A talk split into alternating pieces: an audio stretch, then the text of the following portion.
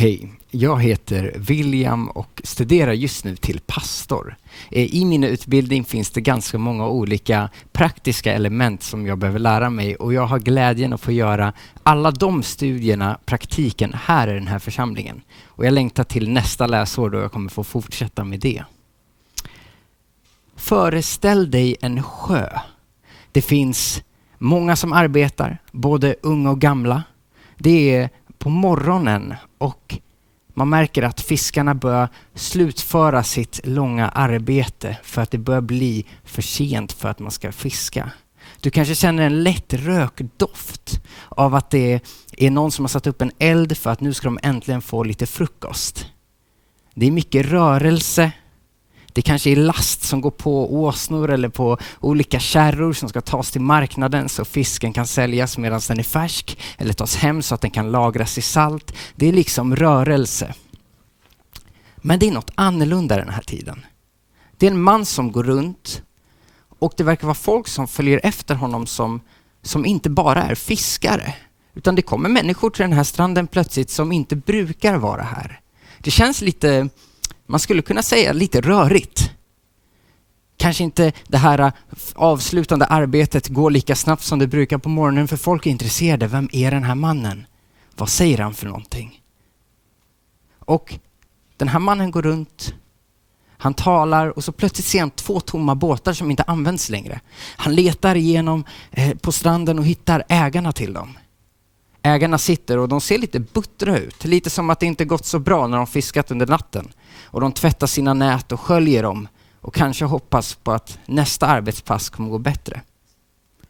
Den här mannen går i alla fall fram till dem och frågar Hej, kan jag få låna eran båt? Jag skulle vilja ta mig ut lite på havet eller på sjön så att människorna kan se mig bättre och höra min undervisning. Så att de inte behöver liksom vara så nära hela tiden så att det är bara några som hör utan så jag kommer ut så fler kan få höra. Den här mannen som som, eh, som frågar fiskaren heter Jesus. Och mannen som svarar heter Petrus. Jag ser mig själv, eller jag ser Petrus kolla upp på Jesus, kanske det är första gången han har mött honom. Eller så har han hört om honom tidigare. Hur som helst så säger han absolut. Kom, hoppa i min båt. De hoppar i den tomma båten och, och åker ut en bit från land. Där börjar Jesus undervisa. Och människor lyssnar. Och Petrus sitter närmast. Han är liksom styrmannen i den här lilla roddbåten. Men plötsligt slutar Jesus prata. Och han vänder sig till Petrus. Och han kanske inte längre talar så högt så alla kan höra, utan han kanske bara pratar så att Petrus är den som hör och han frågar, kan du köra ut lite längre? Lite längre ut, där det blir djupt. Och Petrus säger bara, ja men absolut, och börjar ro ut. Här ute har Petrus varit många gånger. Det är, det är här han brukar fiska. Han har förmodligen spenderat många timmar här redan den här tidiga morgonen. Och jag tror att han blir lite, lite fundersam, men lite chockad kanske när Jesus säger, men kasta ut nätet. Se om du kan få lite fisk. För Petrus har jobbat hela natten och vet att jag har inte fått en enda fisk i natt. Det var därför de satt lite nedstämda vid, vid kanten av stranden när de liksom rengjorde deras nät. Men han väljer att ändå kasta ut det här. Och plötsligt blir han förvånad. För nätet börjar fyllas med fisk efter fisk efter fisk efter fisk. Och jag kan tänka att han plötsligt börjar få liksom lite panik när han märker att det här nätet kommer inte klara antalet fiskar. Det håller på att spricka. Kanske båten kommer välta och han har bara en båt där ute och det kanske inte ens är någon annan med på båten än Jesus och Jesus verkar ju kanske inte ha så mycket koll med det här fiskarlivet. Men han lyckas ändå hålla sig samman, kolla mot stranden, ropa på sina vänner som sitter vid sidan om och säger kom, hjälp fort! De hoppar i den andra båten, ror ut allt vad de har och lyckas hjälpa Petrus. De, de håller fast nätet och det står att de väller över så mycket fisk i båtarna att båtarna nästan sjunker. Och här står människor och kollar på vid stranden. Kanske det var många fiskare där som haft en riktigt dålig natt, där de inte hade fått något. Och plötsligt ser de ett mirakel framför sig. Men närmast är Petrus som har fått vara nära Jesus, fått höra hans ord och fått följa när Jesus sa, men gör det här. Petrus reaktion kan vi läsa i Lukas kapitel 5, vers 8 till 11. Där står det så här. När Simon Petrus såg detta föll han ner vid Jesu knän och sade Gå ifrån mig, Herre. Jag är en syndig människa. Han och alla som var med honom hade gripits av bävan inför fångsten de hade fått. Även Jakob och Johannes, Sebedeus söner, som fiskade i lag med Simon. Men Jesus sade till Simon, var inte rädd. Från och med nu ska du få fånga människor. Då drog de upp båtarna på land, lämnade allt och följde honom. Petrus första reaktion på att få se ett sånt här under, ett mirakel, var att bara trycka bort Jesus. Han bara, nej, nej, nej, gå bort från mig. För att han kanske såg på sig själv. För det står att han sa att han jag är en syndig människa. Han såg nog på sig själv och kände, jag är inte perfekt. Jag har gjort fel saker, jag gör fortfarande fel saker. Det finns en, eh, en distans mellan mig och Gud, det gudomliga som verkligen, verkligen påverkar mig. Och jag vet att, att jag inte är värdig att vara nära dig. Så Petrus första reaktion är bara, Herre, gå bort från mig. Det är så att han faller ner på knän. Det måste varit känslomässigt. Det måste varit svårt att säga de orden. Men Jesus svarar, var inte rädd. Och då tänker jag att man får en liten, liten beskrivning på hur läget är. Om Jesus tänker, efter allt som har hänt, det första han måste säga är, var inte rädd. Kanske Petrus hade varit rädd för Gud. Eller kanske rädd på att folk skulle få reda på vad han hade gjort, rädd för att bli straffad. Det kanske fanns en allmän rädsla i Petrus vanligtvis, eller så blev det just att, att han plötsligt kände en stor rädsla när han fick se Jesus, fick höra hans undervisning. Och han plötsligt speglade sig själv och kände nej, jag är inte bra nog. Men till det säger Jesus, var inte rädd. Det är nästan som man säger, jag kommer inte straffa dig Petrus. Det kommer bli bra.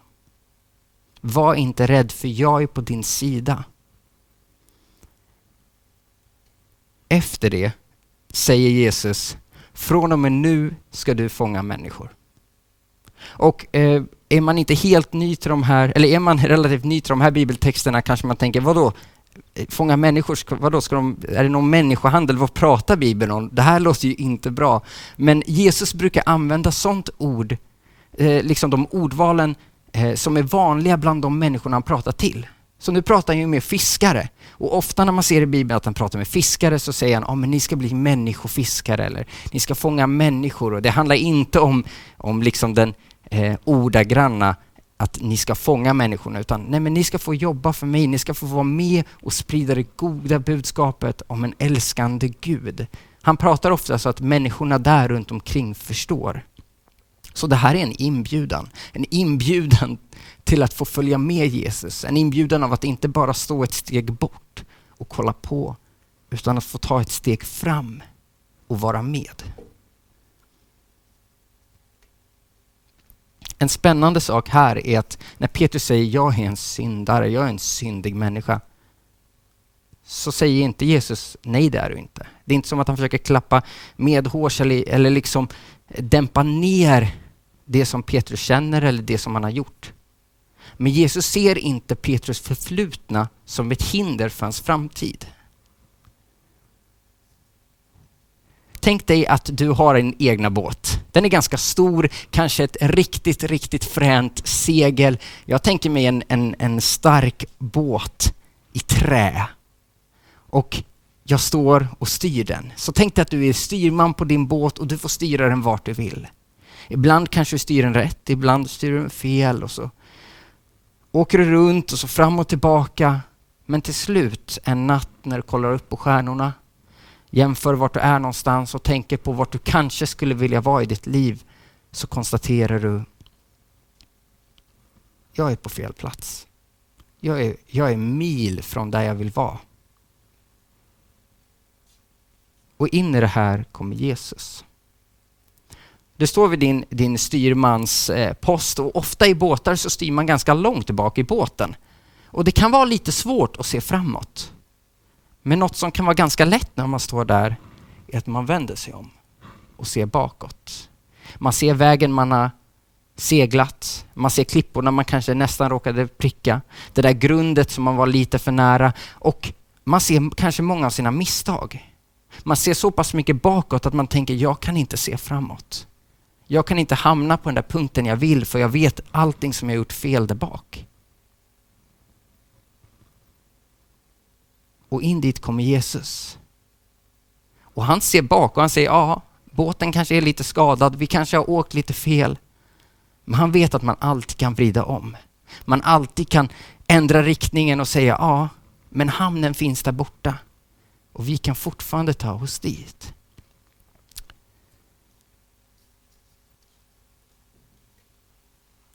Jesus ser inte det som har hänt som ett hinder för framtiden, ett hinder för det som kan hända.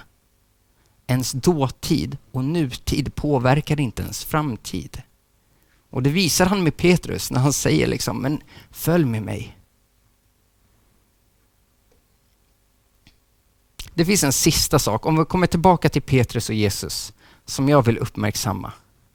Ett litet ordval som jag tycker är jätte, jätte, jätteviktigt. Det är att Jesus säger, var inte rädd.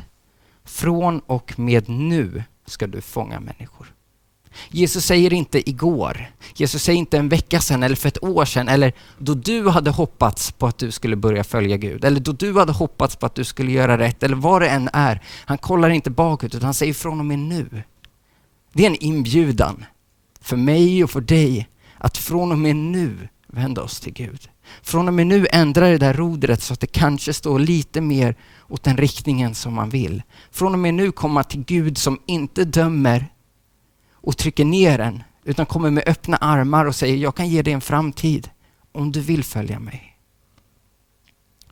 Det kanske är första gången man får göra det beslutet, eller hundrade gången. Men genom Bibeln så, så står det om en Gud som förlåter, som helar fysiskt och psykiskt, som bryr sig, som är omtänksam. Han ser bakåt. Men det som har hänt är aldrig ett hinder för framtiden. Utan Jesus säger från och med nu kan du få följa mig. Vi ber en snabbis. Herre, tack för att du är en Gud som ser mot framtiden. Herre, tack för att du är en Gud som, som dog för alla våra synder och som har förlåtit oss. Jag ber att vi ska kunna vända oss till dig varje dag och säga, oh, men Gud, från och med nu, hjälp oss att komma lite närmare dit du vill att vi ska hamna, lite närmare dig, närmare din förlåtelse och din kärlek. Tack för att du är guden som inte tynger ner utan du är guden som lyfter upp. I Jesu namn, Amen.